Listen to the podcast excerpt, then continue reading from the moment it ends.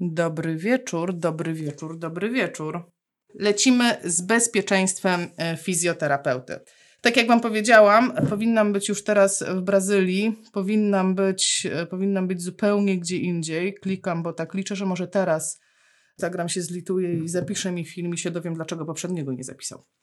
No dobra, powinnam być w Brazylii, ale nie jestem, no bo wszyscy, którzy chcieliśmy gdzieś wyjechać, no to sorry, ale nie wychodzi. Co więcej, większość z nas chciałoby teraz pracować, tak jak pracowało wcześniej, a nie może. I większość z nas miało jakieś plany i wydawało nam się, że marzec będzie wyglądał jakoś tam, a nie wygląda. Tak gwoli wyjaśnienia. Ja wiem, że to wszystko wiecie, ale fajnie jest pozbierać do kupy o co chodzi z tym wirusem generalnie, bo jest wiele nieporozumień, wiele, wiele, wiele, jakby wiele wyjaśni to, jak wiemy, jaką nomenklaturą operujemy. E, ponieważ można się spotkać w, w, wszędzie tak naprawdę, jak czytamy jakiekolwiek informacje, możemy się spotkać z takim skrótem COVID-19, a drugi skrót, który funkcjonuje, to jest SARS-CoV-2, czyli SARS-CoV-2. I o co chodzi, dlaczego w ogóle mamy dwie nazwy, dlaczego, dlaczego dwie takie, y, dwa takie skróty funkcjonują w internecie? Otóż to jest tak, że mamy taką, y, mamy grupę koronawirusów, tak? Nie to, żebym była teraz wirusologiem jakimś e, mądrym, bo nie jestem, ale tyle, ile wiem. Mamy grupę koronawirusów, i do tej pory był koronawirus, który był nieznany. On prawdopodobnie sobie gdzieś tam funkcjonował, ale poznaliśmy go po tej infekcji w Wuhan. I ten koronawirus dostał nazwę. I nazwa tego wirusa, tego konkretnego wirusa, to jest właśnie SARS-CoV-2. Więc to SARS-CoV-2 to dotyczy tylko tego żyjątka w cudzysłowie. No i teraz to żyjątko może nas zarażać, więc y, teoretycznie ja mogę być nosicielem SARS-CoV-2, wy możecie być nosicielem SARS-CoV-2, każdy może być nosicielem SARS-CoV-2. Ale nie każdy od samego faktu, że jest zarażony tym wirusem, będzie chorował, czyli nie każdy rozwinie objawy. I te osoby, które rozwijają objawy, to to są osoby, które chorują na chorobę COVID-19. Bo tak nazwano chorobę, która jest wynikiem zarażenia tym, tym wirusem SARS-CoV-2. Więc to jest tak, żeby różnicować, ponieważ pojawia się bardzo dużo różnych mm, informacji i w sieci, w takich spekulacji, a ile osób jest zarażonych, a ile osób jakby mylimy to, ile jest zarażonych z tym, ile choruje, tak? Ponieważ zarażonych jest oczywiście, że dużo więcej. Znaczy, no, tak zakładamy i to nie są jakieś, to nie są jakieś dane, które są ukrywane, że zarażonych może być dużo, dużo więcej, bo na przykład wszystkie dzieci pod, e, podkreśla się to, że większość dzieci choruje zupełnie bezobjawowo. Więc ja na przykład nie wiem, czy mam w domu dziesięciolatka, który jest nosicielem SARS-CoV-2 i już my jesteśmy wszyscy nosicielami, czy nie. Nie mam takiej pewności, musiałabym być zbadana. No jest to tak właśnie kwoli wyjaśnienia w ogóle o czym mówimy, że COVID-19 to jest choroba. I to, nad czym my się będziemy skupiać, to nad chorobą COVID-19 i nad bezpieczeństwem naszym, jeżeli przyszłoby nam pracować e, i nie tylko, no w ogóle ze wszystkich stron nad bezpieczeństwem, bo jak zobaczycie za chwilę ja e, jakby z wielu, z wielu stron postarałam się ugryźć ten temat. Ponieważ bezpieczeństwo dla mnie to nie tylko noszenie maseczki. No więc takim pierwszą rzeczą, która się wybija, jeśli chodzi o bezpieczeństwo fizjoterapeuty w okresie pandemii, w okresie tej epidemii COVID-19, to jest bezpieczeństwo e, finansowe. Wiele osób mówi, o kurde, nie mam z czego żyć, co tam, jak tam, jak to będzie, czy będę miała e, z czego, nie wiem, po prostu pójść kupić jedzenie. E, inne osoby martwią się, czy ich firma przetrwa. Inne osoby martwią się, co będzie z pracownikami, których zatrudniają w firmie. No bo zobaczcie, że tak naprawdę każdego z nas w jakiś sposób to dotknęło. Ja na przykład prowadzę jednoosobową działalność gospodarczą, w związku z tym od y, ponad tygodnia ja nie przyjęłam żadnego pacjenta. E, wszystkie wizyty są odwołane i wiem, że wiele, wiele osób ma w ten sposób. Z tym, że ja mam ten luksus, że ja mam tylko i wyłącznie działalność z e, dojazdem do domu pacjenta, więc ja na przykład nie utrzymuję gabinetu, a masa osób jeszcze utrzymuje gabinet. Więc to takie zmartwienie finansowe jest naprawdę realnym zmartwieniem. E, te osoby, które prowadzą firmę, mają takie zmartwienie, że często stają przed wyborem, cholera, co zrobić? Albo zapłacę moim pracownikom i pozwolę im teraz chwilę przetrwać, albo nie zapłacę im i będą mieli do mnie żal, nie przetrwają teraz, ale jak im nie zapłacę, to może moja firma przetrwa, jak im zapłacę, to może ta firma nie przetrwa. No generalnie jest dużo różnych problemów i ze wszystkich stron trzeba na to spojrzeć. Wiele osób ma wątpliwości, jak ma postępować, czy ma spłacać kredyty, czy ma płacić ZUS, czy ma nie płacić tego ZUS-u. E, I wiecie, jakby ja również mam te wszystkie zmartwienia i, i akurat w moim przypadku jest tak, że ja nie pierwszy raz e, staję w takiej sytuacji bardzo trudnej finansowej, bo ja już miałam taką sytuację kiedyś w życiu, że bardzo, e, bardzo, bardzo, bardzo mi było ciężko, to było już wiele lat temu kiedy były początki mojej pracy zawodowej, ja słuchajcie, zarabiałam 1000 zł brutto.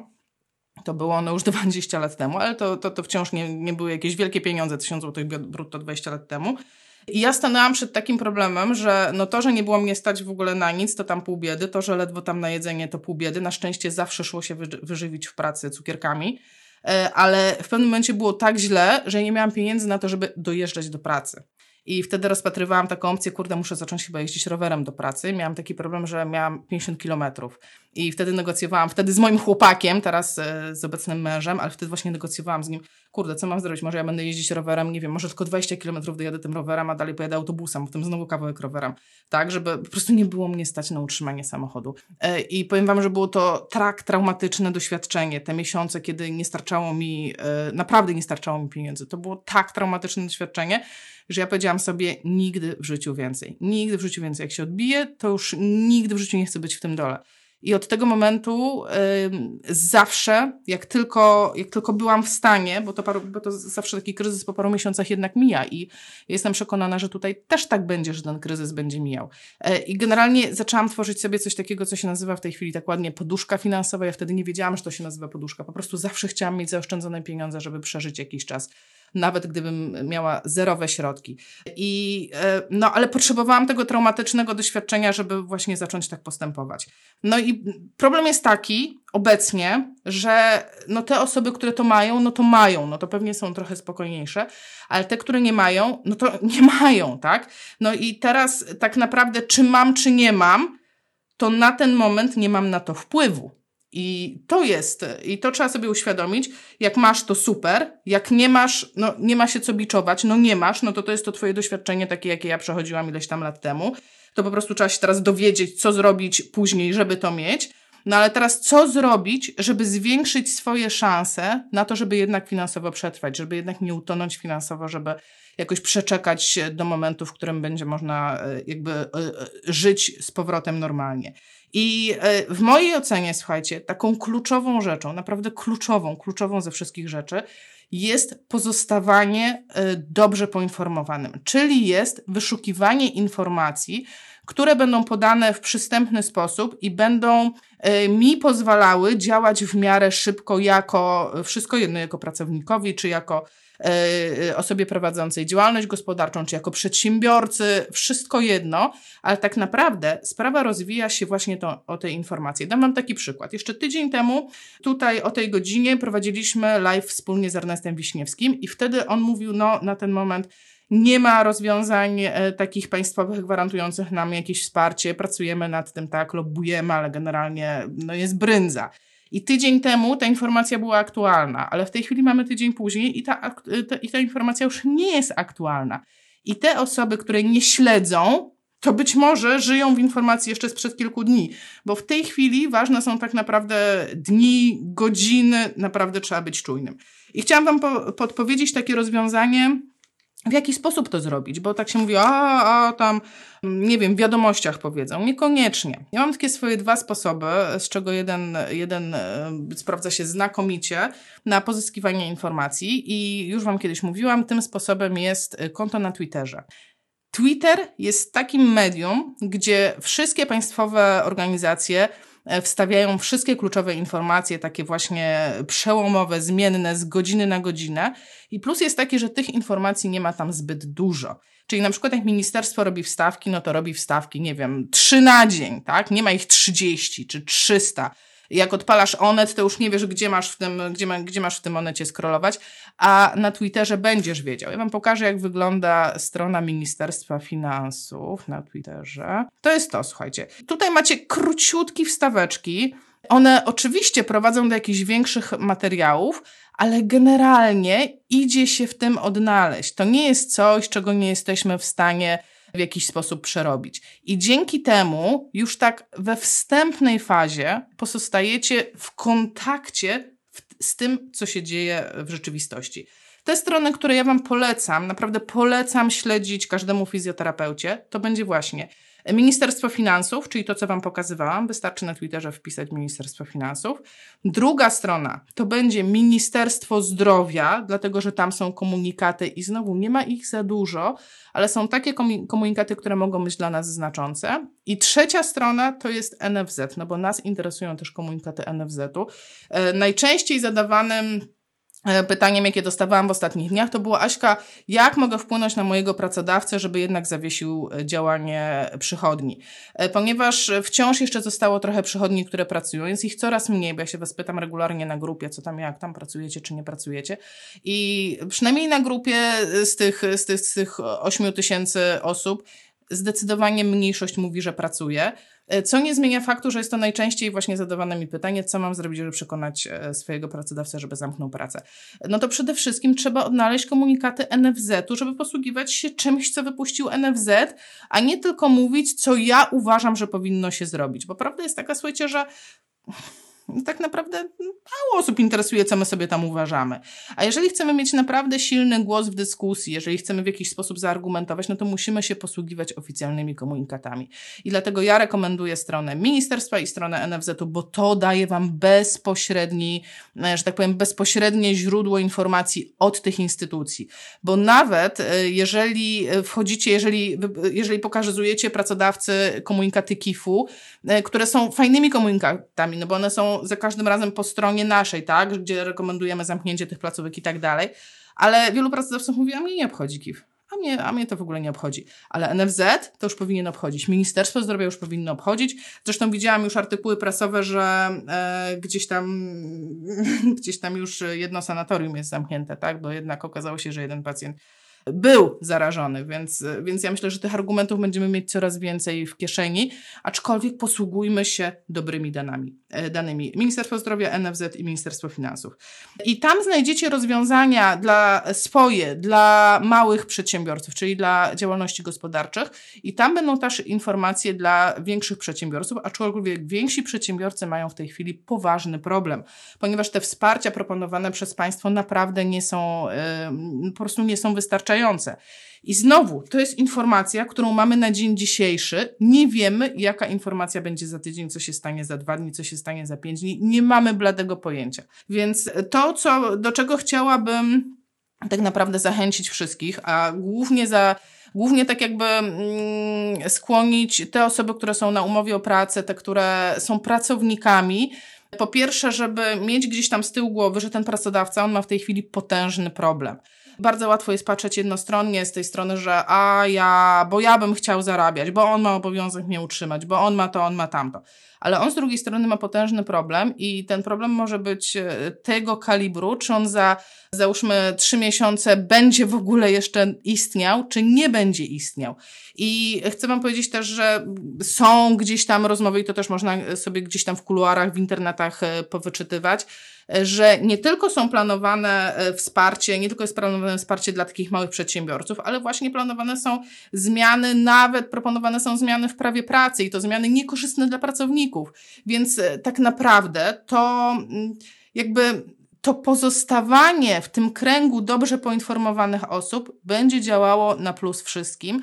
I w momencie, kiedy my, pracownicy, zaczniemy myśleć też troszeczkę o tym, co ten pracodawca ma na głowie, to pozwoli nam być może spotkać się gdzieś w połowie w dyskusji i no, wyszukać rozwiązań satysfakcjonujących obie strony, aczkolwiek nigdy ja nie potrafię, no nie wiem, tak sobie nie wyobrażam, żeby to dało się w ogóle zrobić tak, żeby wszyscy byli szczęśliwi, no bo no, nie mamy dopływu pieniędzy, tak, więc musimy się w cudzysłowie dzielić tym, co zostało. Więc to, co bym wam chciała tak doradzić, żeby to nie jest czas, żeby zajadle walczyć z pracodawcą. Naprawdę, dla dobra wszystkich. To nie jest czas, żeby zajadle walczyć, dlatego że za chwilę rynek pracy może się obrócić przeciwko pracownikowi. Nie wiemy, jak będzie, tak? Ale zawsze trzeba gdzieś z tyłu głowy, że tak naprawdę wszyscy walczymy o przetrwanie i najlepiej byłoby to robić wspólnie. Z, inną, z innej strony wychodzi teraz e, tak naprawdę, wychodzi to, jak pracodawca budował relacje z pracownikiem, czyli jak traktował go wcześniej, i co zbudował wcześniej, czy ten pracownik teraz chce mu pomóc, czy wręcz przeciwnie. No ale to jest już coś, e, na co nie mamy wpływu. Z drugiej strony, Chciałam Wam powiedzieć, że bardzo łatwo jest wpadać w takie negatywne emocje, nakręcać się, że jest wszystko źle, beznadziejnie, wszystko dupło. A ja powiem tak. A gdyby przekierować tą całą energię, którą wkładamy w te złe emocje, w kombinowanie, to co ja mogę zrobić teraz, tu i teraz, żeby w jakiś sposób e, po pierwsze zacząć zarabiać jakiekolwiek pieniądze, a jeżeli nie jestem w stanie zarabiać tych pieniędzy, to co mogę robić, żeby zacząć budować sytuację dookoła siebie, tak żeby załóżmy za jakiś czas te pieniądze zarobić. E, no i taką dziedziną, która będzie w tej chwili pchana i na pewno, na pewno e, dostaniecie taką pomoc, takie wskazówki czy ułatwienia systemowe, no to będzie telerehabilitacja. W tej chwili no, nie ma wyjścia, wszystko się kręci wokół telerehabilitacji i ja wiem o tym, że jest wiele wątpliwości na ten temat, temat, bo nie każdego pacjenta da się poprowadzić telerehabilitacją i oczywiście nie wszystko da się zrobić na odległość. To jest w ogóle jasne i bezsprzeczne. Ale też z drugiej strony pochylmy się nad tym, że jest mnóstwo, mnóstwo rzeczy, które na odległość jednak da się zrobić. E, z tego co wiem, e, już e, niektóre towarzystwa ubezpieczeniowe wypowiedziały się, że usługa jest jak najbardziej mm, w pakiecie ubezpieczeń, także jest to traktowane jako usługa fizjoterapeutyczna. Wiem, że trwają nad tym prace, żebyśmy mogli to robić oficjalnie. Wiem, że za chwilę będą na stronie Znajdź Fizjoterapeutę ułatwienia systemowe, żeby tylko kliknąć tą rehabilitację, móc prowadzić, po prostu system Wam to ułatwi. Wiem, że wyjdą poradniki, w jaki sposób to zrobić. Y, I to będzie już teraz na dniach, ale nie mam dzisiaj nic, żeby Wam to pokazać w jakiś sposób. Zresztą y, myślę, że Frajda będzie, jak, jak po prostu to wejdzie i będziecie mogli sobie popatrzeć. To już będzie na dniach.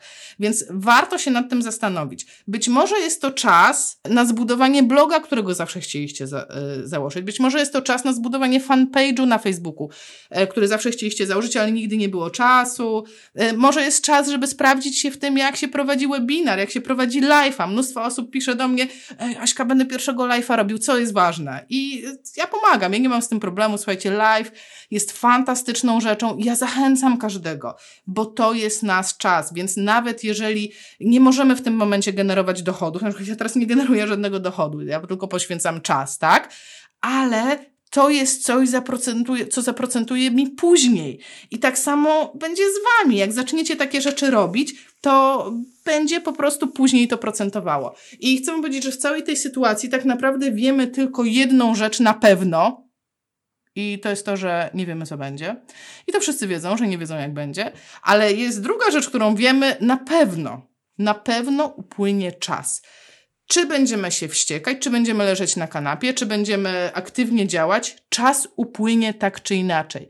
I teraz tak naprawdę do nas należy decyzja, jak wykorzystamy ten czas, bo może się okazać, że za miesiąc od dzisiaj będą osoby, które przeleżały, przewściekały i tylko e, przeszerowały jakieś, e, nie wiem, fake newsy na Facebooku i to była cała robota przez miesiąc, a będą osoby, które przez ten miesiąc zgromadziły tysiąc osób e, na fanpage'u, poprowadziły sześć webinarów, dwa spierdzieliły, bo, no bo tak to wygląda po prostu w życiu, ale miesiąc później są mądrzejsze o kupę nowych informacji i mają nowych pacjentów, nie wiem, z telerehabilitacji. Strzelam teraz. I to jest coś, do czego chciałam wam, Was zachęcić, żeby właśnie trzymać rękę na pulsie, ale równocześnie działać, działać, działać, działać, działać.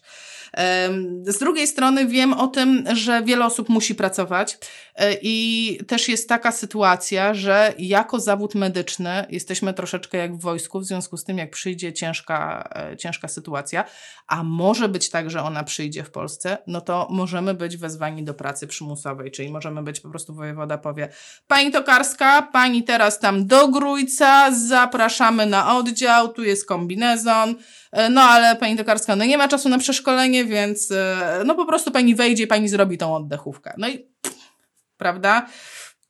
Słaba sytuacja. Więc e, i pamiętajcie, to może być każdy z nas a niektórzy już są w tej sytuacji, niektórzy już pracują z tymi pacjentami, e, niektórzy już pracują na oddziałach zakaźnych i wszyscy tak naprawdę martwimy się o bardzo podobne rzeczy. Martwimy się o to, po pierwsze o swoje zdrowie, o zdrowie swoich rodzin. Ja na przykład mam w domu e, męża, który jest niewydolny oddechowo, jak e, część z Was wie, bo znacie, znacie mnie, wiecie, że robiliśmy wspólne live. Marcin ma dystrofię nerwowo-mięśniową i Marcin jest niewydolny oddechowo sam z siebie, tak? W sensie on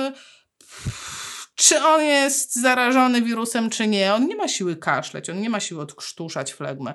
E, I on jest pierwszy, który by niestety no, słabo zniósł e, zarażenie koronawirusem. Zresztą mamy dziadków w domu, gdzie e, obydwoje są obciążeni kardiologicznie i pulmonologicznie, więc tak naprawdę ja mam cały dom pełen ludzi, gdzie ja wiem, jeśli ja wrócę ze sklepu z koronawirusem, no to my mamy problem. Cała rodzina idzie na dno i to tak dosłownie. I wiem, że wiele osób ma taką sytuację. Wiem, że żyjecie w takim stresie, czy się sami zarazicie. Wiem, że żyjecie w takim stresie, czy przyniesiecie to do domu i, że, i wiem, że wiele z Was, bo piszecie to i w komentarzach, i na priv, boicie się, że przyniesiecie to do swoich starszych pacjentów, DPS, ZOLE, tam gdzie właśnie w DPS-ach ludzie normalnie pracują. I ja wiem o tym, że boicie się, że ktoś przyjdzie i nagle ci wszyscy dziadki, po prostu oni wszyscy dostaną tego, e, tego SARS-a i wszyscy umrą. I, y, I strach jest jak najbardziej realny. I w moim odczuciu najlepsze, co można w tym momencie zrobić, to odrobić swoją pracę domową rzetelnie i dowiedzieć się, jak się zabezpieczać przed zarażeniem, w jaki sposób, w jaki sposób minimalizować ryzyko zarażenia. I takim absolutnym minimum dla mnie, takim minimum minimorum, po prostu już mniej się nie da, to jest umiejętność zakładania maski i umiejętność zakładania i zdejmowania rękawiczek. I można się śmiać, a tam, pff, Aśka, co tam jest założyć maskę czy założyć rękawiczki. Teraz obejrzyjcie sobie jakąkolwiek relację w telewizji, cokolwiek się pojawia w telewizji, czy nawet wyjdźcie na ulicę. Ja dzisiaj pierwszy raz od tygodnia wyszłam do sklepu i ku mojemu zaskoczeniu mnóstwo osób miało maski na twarzy. Mnóstwo, z czego ani jedna nie miała założonej prawidłowo. Więc ludzie nie potrafią zakładać prawidłowo masek. Maskę prawidłowo zakłada się tak, żeby jak najmniej dotykać materiału, samych troczków najlepiej dotykać. Zakłada się ją jeszcze sterylnymi rękami, czyli rękami, którymi jeszcze nie miałam kontaktu z żadnym, z żadnym brudem, czy z żadnymi tam patogenami, czy gdzie ja tam wyszłam. Y, I maskę się dopasowywuje do nosa. Ona po to ma drucik z jednej strony, że się dociska i dopasowuje ją do nosa. Słuchajcie, ja sobie sama uszyłam maski, bo nie mam masek. Po prostu nie mam masek, mam wam powiedzieć. Nie mam, chodź tu, o jest, yy, Brian ma maskę. Ja sobie sama uszyłam te maski yy, w myśl taką, że lepiej mieć jakąkolwiek niż nie, niż nie mieć żadnej. I ja w moje maski normalnie wszyłam tutaj drucik. Ja tu mam drucik i normalnie mam maskę, która się dostosowuje kształtem do nosa. I ten drucik trzeba dostosować do nosa, czyli zahaczam to o brodę, zakładam na nos, zakładam na uszy, czy tam wiążę e, i dociskam sobie e, do, do nosa. I to jest prawidłowo założona maska. I ta maska ma być tak założona, że ma się nie ruszać, bo nie wolno mi jej dotykać. Czyli na przykład jak ja bym chciała sobie wbić na oddział, prawda, z włosami pięknymi, no to no to jest ząg stulecia. Nie mogę tego zrobić. Dziewczyny, także dziewczyny i chłopaki, wszyscy, którzy mamy długie włosy, włosy spinamy w koczka, ciasno, przy, przyszpilamy gdzieś tam wsówkami, e, generalnie ogarniamy kudły, na to zakładamy maskę i to już ma być nieruszalne, bo za każdym razem, kiedy dotkniesz twarzy, to tak naprawdę zwiększasz ryzyko zarażenia, ponieważ zarażasz się kropelkowo, ale te kropelki muszą dotknąć do śluzówki, więc to będzie zarażało, to będzie zarażało. Więc za każdym razem, kiedy dotykamy tej maski, to robimy ryzyko. Więc to jest minimum minimorum, zakładanie maski. A druga rzecz, e, zakładanie rękawiczek i zdejmowanie i rękawiczek i maski. I chciałam Wam powiedzieć, że najwięcej osób z personelu medycznego, to w jednym z wywiadów e, wyczytałam, e, najwięcej, najwięcej osób z personelu medycznego zarażało się w momencie nieprawidłowego zdejmowania e, ubioru medycznego, ubiorów ochronnych, czyli nieprawidłowego zdejmowania masek, nieprawidłowego zdejmowania tych kombinezonów, nieprawidłowego zdejmowania rękawiczek. E, I chciałam Wam powiedzieć, że mamy już oficjalne wytyczne i te wytyczne były linkowane na stronie KIF. Ja oczywiście wrzuciłam te wytyczne też do plików grupowych, już Wam pokazuję, jak to wygląda. To jest taki plik PDF, ja akurat sobie go otworzyłam specjalnie na zdejmowaniu rękawiczek ponieważ zdejmowanie rękawiczek, jego się nie robi tak, jak my żeśmy sobie zdejmowali, przynajmniej, no, może większość z Was robiła tak, jak jest na zdjęciu. Ja zupełnie tak nie robiłam w pracy, zupełnie na to nie zwracałam uwagi, ale ja też nigdy nie pracowałam na oddziale zakaźnym, żeby tym się bardzo, bardzo martwić. A teraz widzę, że zdejmowanie rękawiczek po prostu jest sztuką. I to jest dla mnie takie naprawdę minimum, które powinniśmy umieć. Dokument jest bardzo, bardzo drogi, y, długi. On ma tam kilkadziesiąt stron. Ma zdjęcia z zakładaniem i zdejmowaniem absolutnie wszystkiego, słuchajcie. Z zabezpieczeniem e, gogli, z wykorzystaniem e, gogli i z zabezpieczaniem taśmą, zakładanie, zdejmowanie, akurat już jesteśmy tutaj na końcu, ale naprawdę e, dokument jest przekozacki i jest udostępniony dla wszystkich, jest udostępniony i na stronie KIF, i na stronie, i ja też wrzuciłam te dokumenty do plików grupowych fizjopozytywnych, także słuchajcie, no minimum to naprawdę jest ściągnąć go i przejrzeć, ponieważ nigdy nie wiesz, na co trafisz. Y, na co trzeba zwrócić uwagę? Na kolejność zakładania y, tych sprzętów, y, które ewentualnie miałoby nam, miał, mielibyśmy użyć. Ma znaczenie, co najpierw zakładam, że zakładam fartuch najpierw, rękawice później. W niektórych zaleceniach są dwie pary rękawic. To, że właśnie zakładam najpierw czepek, chronię włosy, wszystko to chowam dokładnie, potem na to maskę, potem na to gogle. To wszystko ma znaczenie, że można się pozabezpieczać dokładnie taśmą. Słuchajcie, Prawda jest taka, że nie wiadomo, kiedy trafimy na pole walki i to naprawdę może być użyteczne. A taki wymiar praktyczny całej sytuacji, chociażby taka głupia rzecz jak wyjście do sklepu, żeby nauczyć babcie czy mamę, bo ja wiem, że one są częściowo niepowstrzymane i wychodzą do tych sklepów, to chociażby nauczyć je zakładania prawidłowego maski, prawidłowego zdejmowania i nie dotykania twarzy w czasie, kiedy, kiedy tą maskę się zakłada. E, I to, co dla nas najważniejsze i błagam, po prostu błagam, odróbcie tą pracę domową, dowiedzcie się, jak się z tego rozebrać bo najwięcej zakażeń jest podczas rozbierania. Czyli jesteś już cały owirusowany, zaczynasz to z siebie ściągać i przez nieumiejętne ściąganie po prostu dotykasz w różne miejsca i przenosisz patogen na siebie. E, I od razu Wam podpowiem, że rozbieranie jest w dwie osoby. To nie jest takie proste się rozebrać i, i, i, i tyle. Mamy ten plik, e, mamy właśnie ten plik, spokojnie ściągnijcie go sobie. Drugą rzecz, którą uważam, że każdy powinien absolutnie ściągnąć na swój komputer, to jest taka, e, to jest taka prezentacja dla lekarzy. Ona jest skierowana do lekarzy POZ, w jaki sposób postępować z pacjentem z koronawirusem. I to też uważam, powinniśmy sobie przejrzeć, znowu dla własnego bezpieczeństwa, bo. Yy, no, ja wiem, że w idealnym świecie to dostajesz powołanie, dostajesz piękny pokój, 25 e, kombinezonów na zmianę i jeszcze masz szkolenie południowe, jak z tego korzystać. Ale praktyka, jeśli tfu, tfu dojdzie do tego, prawdopodobnie nie będzie tak wyglądała. Prawdopodobnie zostaniemy wrzuceni i rób. I, nie będzie dyskusji, ponieważ jesteśmy tym takim e, personelem mniej wykwalifikowanym, no bo nie mamy wielu praw takich, które mają lekarze, no to, no to my będziemy robić te proste rzeczy i nikt się nie będzie nami przejmował. No taka, taka jest prawda, więc jeżeli teraz odrobimy swoją pracę domową, to później naprawdę będziemy w stanie A. ochronić siebie i rodzinę, B pomóc naprawdę pacjentowi. Ponieważ chińskie, e, słuchajcie, doniesienia, e, jeżeli nie oglądaliście e, live'u, nie, to nie był live, to było na YouTubie, filmu z Olą z zeszłego tygodnia, Cieloszczyk, która po prostu wykonała niesamowitą pracę, bo przetłumaczyła chińskie wytyczne, e, spisała z tego e, cały dokument w języku polskim, jeszcze opowiedziała o tym tydzień temu.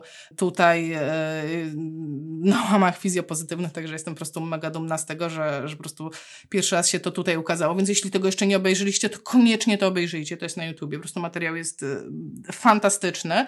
I jakby pokłosiem tego jest, są już wytyczne kifowskie, które wyszły, które również możecie ściągnąć. Ja to staram się rozsyłać i mam wrażenie, że po prostu nic innego nie robię, tylko rozsyłam materiały mm, i że wszyscy już mają tego dosyć, ale wiem, że jest jeszcze wiele osób, które nie ściągnęło materiałów kifowskich. Są oficjalne wytyczne polskie, co do fizjoterapii w COVID-19. Czyli tak naprawdę ściągacie sobie w tej chwili, to jest, nie wiem, raptem całe dziewięć stron materiału i macie wytyczne, jak prowadzić rehabilitację na każdym stadium choroby.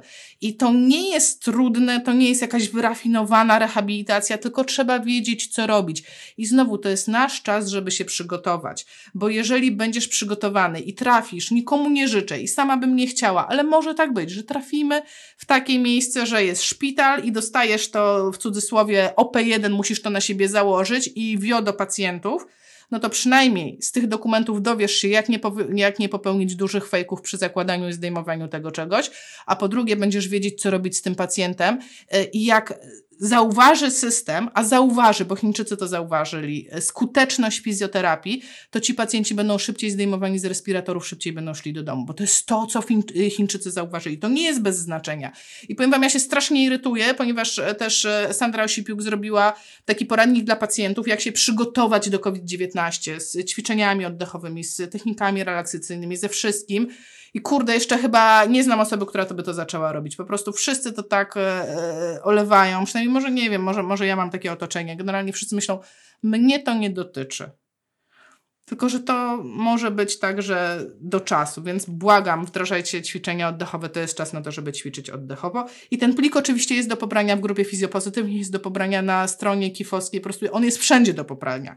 Więc, e, więc jakby Wiedza leży na talerzu, jak się zabezpieczać i jak pracować z tym pacjentem. Po prostu trzeba to przeczytać, po prostu trzeba to przyzwoić. Uważam, że to jest po prostu absolutny obowiązek nas wszystkich. E, ale to, co chciałam Wam też dalej opowiedzieć, bo Chińczycy opublikowali nie tylko to, jak pracować z pacjentem z COVID-19, ale oni opublikowali również inny dokument, który również Wam wrzuciłam na grupę. Wrzuciłam go, on już jest w tej chwili na grupie fizjopozytywnych. Ja go, nie wiem, z pół godziny temu wrzuciłam. To jest taki dokument, który się nazywa e, Wskazówki dla personelu medycznego będącego w pierwszej linii walki z koronawirusem. Czyli generalnie wskazówki dla tych osób, które realnie będą miały kontakt z zarażonymi pacjentami. I to, co zauważyli Chińczycy, to że koronawirus, no to e, jakby jego takie objawy e, chorobowe, no to to jest jedna para kaloszy, tak? Te duszności, to niewydolność oddechowa, to wszystko jakby to idzie swoją drogą, ale swoją drogą z drugiej strony idzie fakt, że ci pacjenci są ogromnie zestresowani, że oni się boją, że poważnym problemem jest zespół stresu pourazowego po przejściu tego koronawirusa. E, I to jest znowu jedna para kaloszy, ale dokładnie to samo dzieje się z personelem medycznym, więc powstał cały dokument, który mówi tylko i wyłącznie o tym, że personel medyczny ma, e, jakby ma sobie uzysłowić, że są pewne procedury zabezpieczające ich pod kątem e, zarządzania swoim własnym stresem. O co chodzi? Generalnie w tym dokumencie oni zaczynają od czegoś takiego, tak, tak nie wiem, chyba taki dramatyzm chcą zbudować, że ogólnie można umrzeć ze stresu. I to jest całkiem na poważnie nam powiedziane, że może być taka sytuacja, że następuje nagłe zatrzymanie krążenia, osoba upada, omdlewa i nie wstaje. I że to może być na skutek stresu. Mimo, że oczywiście nikomu tego nie życzą i że dużo częstszą sytuacją są omdlenia ze stresu. No i teraz o co chodzi dokładnie w tych omdleniach? E, to są takie e, po prostu, no takie można powiedzieć jak na filmach, takie przejściowe utraty przytomności. E, I oni przytaczają tam takie statystyki, że 40% społeczeństwa ogólnie na jakimś etapie zemdleje, tak? Czyli co druga praktycznie osoba doświadczy w swoim życiu, co to znaczy zemdleć. I szczególnie jeśli chodzi o osoby młode, to te omdlenia są wynikiem stanów emocjonalnych, czyli te, te omdlenia są wynikiem tego, że ktoś e, generalnie, no nie wiem, zestresował się, miał jakiś problem i zadziałało to tak na niego, że zemdlał. I te sytuacje zaobserwowano właśnie w szpitalach, e, w których e, tritowano, w których e, terapiowano tych pacjentów z COVID-19. To zaobserwowano, że generalnie kobiety mają więcej problemu z omdleniami niż mężczyźni, ale generalnie zdarza się to bardzo często. Na przykład, nie wiem, w wojsku się to zdarza, jak ktoś jest w zbyt dużym napięciu, zbyt dużo ma na głowie. To się, oni tam nawet przytaczają w tym artykule taki przykład, że w czasie finałów mundialu Messi zwymiotował na boisku i to też był taki objaw e, jakby e, przepowiadający to, że zemdleje. I oni utożsamiają te takie omdlenia z nadpobudliwością nerwu błędnego i czy się z tym zgadzać, czy nie, oni sobie tak to zakwalifikowali, ale generalnie to, o czym mówimy, to o nadwrażliwości układu współczulnego, o nadaktywności układu współczulnego. I generalnie, jak sobie popatrzymy na przyczyny omdleń, to określa się je, że co może to spowodować? Jak przebywasz e, w ciasnym pomieszczeniu? Jak jest duszno? Jak jest hałas? Jak brakuje ci powietrza? E, jak jesteś e, podekscytowany w stanie podwyższonej gotowości, jak jesteś głodny, jak jest przed tobą, jesteś wystawiony na wysiłek fizyczny, nie możesz pójść zrealizować potrzeb fizjologicznych. I jak się temu wszystkiemu przyjrzymy, to to są warunki, których doświadczą osoby, które będą pracować z COVID-19, które będą pracować w kombinezonach. Bo to będą osoby, które będą zamknięte w jakimś ciasnym kombinezoniku, w dusznym, e, w dusznej sytuacji. Jak masz kombinezon na, na sobie, to nie pójdziesz siku. E, to są osoby, które będą się pocić, no bo w nich jest gorąco. Ten, kto pracował w kombinezonie, ten wie. E, I to są osoby, które są właśnie narażone w szczególny sposób na omdlenie. Więc e, to, co oni sugerują, to sugerują, że no po pierwsze, jeżeli już w ogóle ktoś cię pakuje na pierwszą linię, to dobierz rozmiar kombinezonu taki, żeby nie był za ciasny na ciebie, ale też, żeby nie był za luźny, żebyś nie musiał wykonywać zbyt dużo energii wydatkować na wykonywanie tych rzeczy, które masz robić, a znowu jak będzie za ciasny, no to zaczniesz się dusić, zacznie cię to krępować i znowu zwiększy się to prawdopodobieństwo, że zemdlejesz. Więc e, to, co oni rekomendują, to dobierz rozmiar, a drugie, co rekomendują, jak się źle poczujesz, to zgłoś to, bo najgorzej to jak wyrżniesz po prostu przy tym pacjencie. I zanim zemdlejesz, są objawy, które przepowiadają te, że może się to wydarzyć. I to co, to, co jest w tych objawach, to są uporczywe nudności, to jest pocenie się, ucisk w klatce piersiowej, kołatanie serca, wymioty, bladość, obniżenie ciśnienia krwi i potrzeba pójścia do toalety. Takie, e, taka potrzeba, e, często nawet rozwolnienie ludzie mają. I to są objawy, które mówią, że hello, przystopuj, ponieważ być może za chwilę zemdlejesz.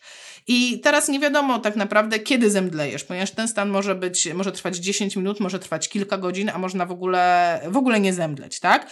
Ale jeżeli masz takie coś i ci się utrzymuje, no to znaczy, że musisz zacząć reagować. E, I to, czy zemdlejesz, no to też zależy od wielu czynników. Czy jak jesteś wrażliwy, jaką masz tolerancję e, układu e, sercowo-naczyniowego, jak siła, jak silna jest, jak silne są te bodźce. I uwaga, w jaki sposób jesteś wytrenowany, żeby radzić sobie z tą sytuacją. I teraz tu jest ciekawa, dochodzimy do sedna, bo to też znowu są sytuacje, w których możemy się realnie zetknąć z tym problemem. W jaki sposób radzić sobie, kiedy jesteś w tej pierwszej linii frontu, kiedy jesteś ubrany w ten kombinezon i czujesz, że coś jest niehalo, czyli masz te objawy, spociłeś się duszno, mdli, muli, najchętniej do klopa pobiec i w ogóle serce kołacze. Więc taką najprostszą rzeczą, którą można zrobić, to odejść w tym momencie od pacjentów, odejść e, w jakieś bezpieczne miejsce, które nie będzie bardzo skażone i mówią albo połóż się, albo ukucnij pod ścianą i zaczekaj, żeby przeszło. Nawet jeżeli przejdzie, to nie wstawaj od razu, tylko wstań powoli i postój kilka minut, zanim ruszysz z powrotem do pracy. Ponieważ może być tak, że to nie wróci, ale może być tak, że wróci. Więc jeżeli, e, jeżeli cały czas te objawy ci wracają, to musisz poinformować swojego zwierzchnika, musisz jakiegoś kolegę, koleżankę z pracy poinformować, bo trzeba cię wyprowadzić. E, I oni nawet zalecają, słuchajcie, jest takie, e, zalecają, słuchajcie, pozycje, które chyba z tego co wnioskuję, one nie były podpisane niestety w tym artykule, więc jak wiecie, to możecie mi podpowiedzieć. E, to są takie pozycje, e, w mojej ocenie one polegają na tym, żeby zacisnąć mocno czy ręce, czy nogi, generalnie podnieść ciśnienie przy pomocy własnych mięśni i to są pozycje, które mają w jakiś sposób ułatwiać niezemdlenie, czyli zastopować tą reakcję, o, stój, na poziomie E, na poziomie, kiedy jeszcze jesteśmy w stanie tym zarządzać. Także to jest rzecz, e, która, e, którą, którą warto znać, czyli jeżeli jeszcze możesz temu zapobiec, to zapobiegaj aktywnie, nie walcz do końca, ale z drugiej strony, jeżeli stoisz obok i twój kumpel właśnie zemdlał, no to masz problem. Dlatego, że jeżeli on zemdlał, to nie wiesz, czy on ma nagłe zatrzymanie krążenia, czy on tylko omdlał. Więc jeśli tylko omdlał, no to w ogóle no problem, ale jeśli się zatrzymał, to trzeba zacząć RKO, czyli trzeba zacząć go resuscytować. I teraz ciężko to rozpoznać, jeżeli jest e, e, ubrany cały w tym kombinezonie. W związku z tym Chińczycy nie zalecają zrywania tego kombinezonu od razu, żeby sprawdzić na przykład puls, czy, czy żeby go zbadać w jakiś sposób. Oni mówią, że pomiędzy dziesięcioma sekundami, czyli co najmniej 10 sekund, ale maksymalnie 30, czy między 10 a 30 sekundą, tak naprawdę obserwujemy tego, tego człowieka, który zemdlał, obserwujemy jego klatkę piersiową i patrzymy, czy ona się porusza. Drugą rzeczą, którą możemy zaobserwować, to sprawdzić na udzie, czy ma tętno.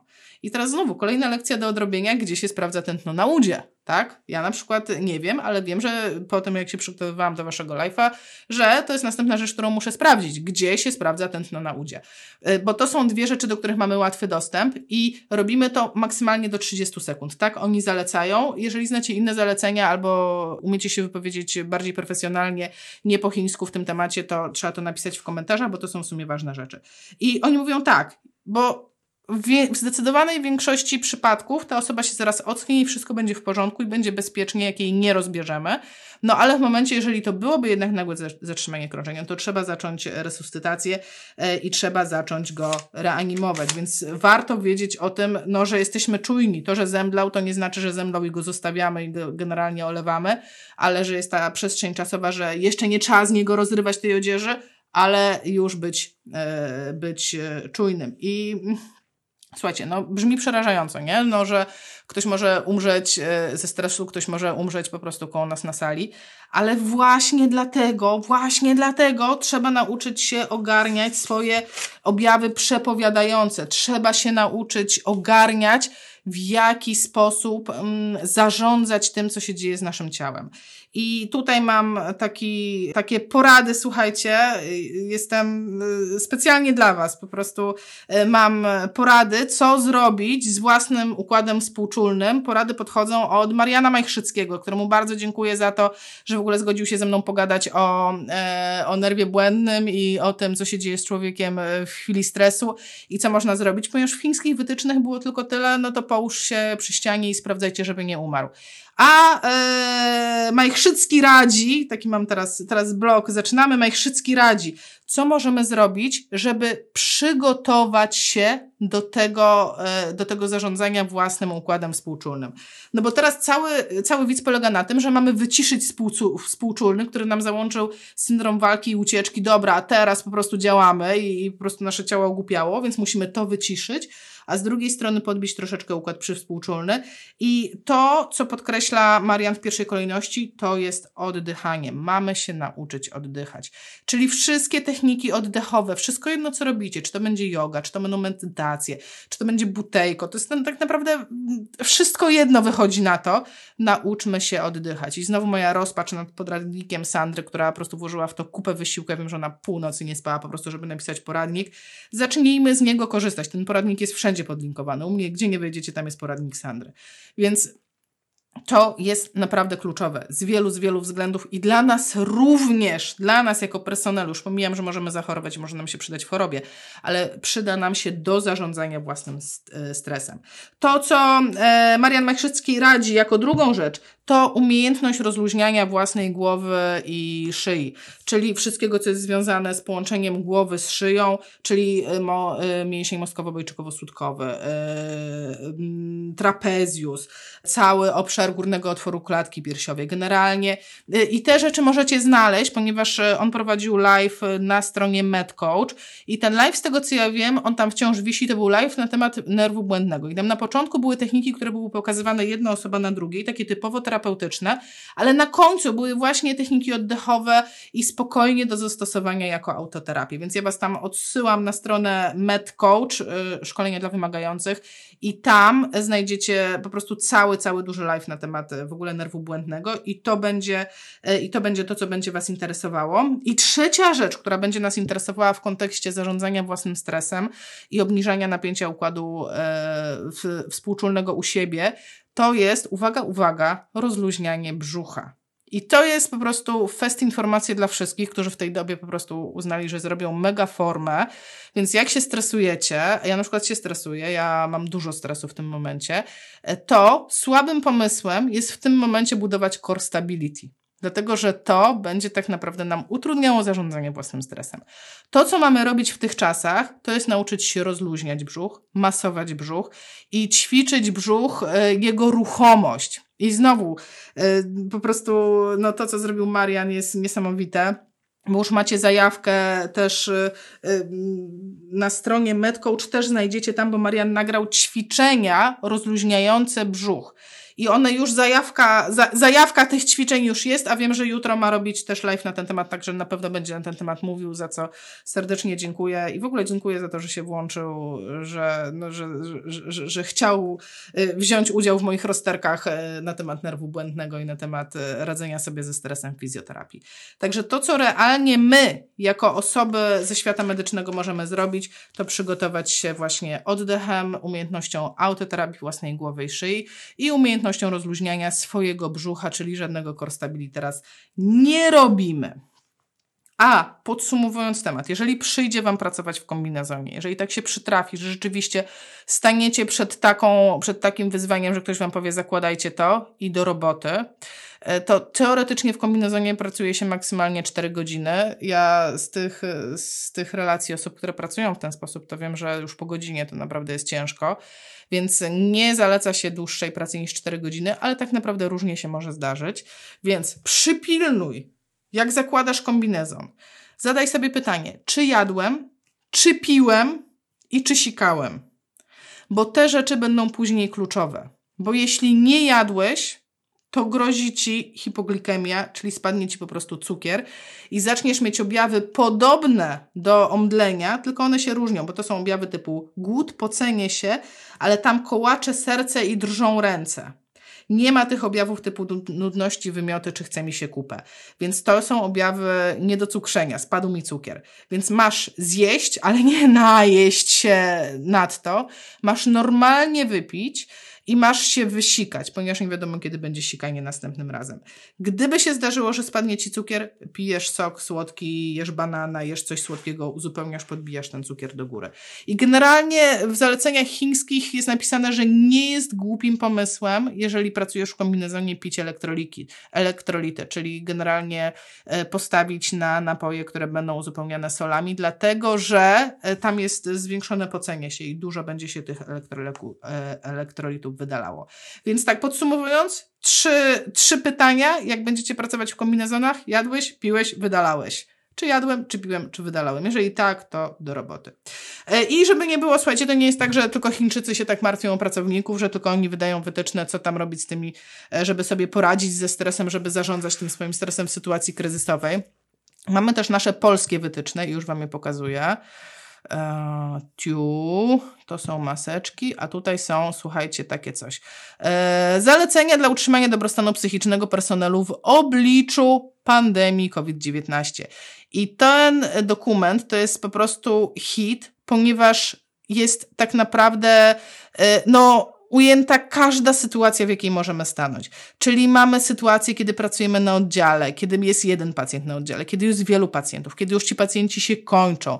Mamy zasady dbania o siebie. To nie jest jakiś szczególnie długi dokument, ale to też jest coś, z czym trzeba się zapoznać, słuchajcie, dla naszego, e, tak naprawdę, dla naszego bezpieczeństwa, tak? Bo to, że trzeba być bezpiecznym pod kątem zarażenia się koronawirusem, to to jest dla wszystkich oczywiste. Ale już nie jest tak oczywiste to, że musimy zabezpieczać swoją strefę psychiczną przed tym, e, żeby sobie poradzić z tą całą pandemią, ponieważ my będziemy tymi osobami, e, na które inni będą liczyć. I jeśli my sami nie będziemy poukładani z sytuacją, no to po prostu w pewnym momencie te zasoby energetyczne, zasoby emocjonalne nam się wykończą i, i tyle. I tutaj jest takie ciekawe zdanie, które, na, na, którym chciałam się przez chwilę zatrzymać. Ja w ogóle Was zachęcam, żebyście sobie po prostu pościągali te wszystkie dokumenty. Wszystkie, wszystkie są w plikach grupowych fizjopozytywnych. Wszystkie. Wszystkie są podlinkowane. Jest taki wątek na grupie i na wielu grupach jest ten wątek. Nie wiem tylko na ile jest uzupełniony na innych grupach. E, na fizjopozytywnych jest uzupełniony na bieżąco o komunikaty, które są wydawane i przez KIF i przez inne instytucje. E, jak sobie e, ważne takie istotne komunikaty komunikaty, także znajdziecie tam też linki do tych, e, do tych wszystkich mm, e, dokumentów, o których Wam mówię. Aczkolwiek po prostu wystarczy wejść na grupę i sobie je ściągnąć po prostu jednym kliknięciem. Ale to, na czym chciałam się jeszcze przez sekundę zatrzymać, e, to są takie porady, które są, po prostu super są te porady. E, szczególnie ta pierwsza. Poszukaj informacji w określonych porach dnia. Raz lub dwa razy dziennie. Niemal nieprzerwany napływ i natłok informacji mogą powodować dyskomfort. Skupiaj się jedynie na faktach pochodzących z wiarygodnych źródeł. I dla mnie ta informacja, e, dla mnie w ogóle to podejście, to jest tak po prostu takie meritum, ponieważ to, co widzę w internecie w tej chwili, to, co widzę e, też w wiadomościach prywatnych, to jest masa rzeczy, które napływają, które tak, e, nie wiadomo, czy są fake newsami, czy nie. E, masa artykułów, które skupiają się na tym, Boże, jakieś źle, co to będzie, dramat, w ogóle umrzemy, wszyscy umrzemy, wszyscy umrzemy. I to, co chciałam Wam powiedzieć tak na koniec. Ważna jest, ważne jest Wasze Czyli każdego, każdego z nas, moje i, i, i każdej osoby, która ogląda to, e, indywidualne poczucie e, dobrostanu psychicznego. W związku z tym, jeżeli ja scrolluję Face'a, czy scrolluję Twittera, wszystko jedno co robię, czy nawet przeglądam wiadomości prywatne, które do mnie przyszły, to tak naprawdę podstawowym pytaniem, no, no bo przychodzi informacja, i teraz ja, jako Joanna Tokarska, załóżmy, dostaję informację, wiesz, Staśka, nie ma tam, nie wiem, 500 zarażonych w Polsce, tylko jest 50 tysięcy. No po prostu szok, rząd kłamie. No i tak, ja nie mam żadnej możliwości, żeby to zweryfikować. Żadnej ponieważ po prostu jestem za małym człowieczkiem, żeby to zrobić. Więc teraz, jedyną decyzję, jaką mam do podjęcia, to jest to, czy chcę się tym przejmować, czy nie. Czyli czy chcę absorbować takie treści, czy nie.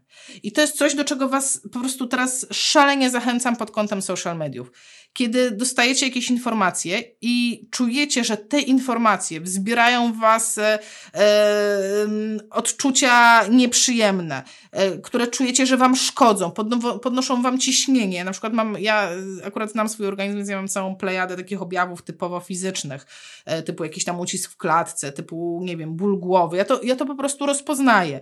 Więc jak widzę, że mierzę się z takimi informacjami, to ja po prostu przestaję, po prostu puszczam je bokiem, nie śledzę tego. Dlatego na pierwszym miejscu w czasie tego live'u zachęcałam Was do tego, polajkujcie trzy instytucje, które dają Wam informacje.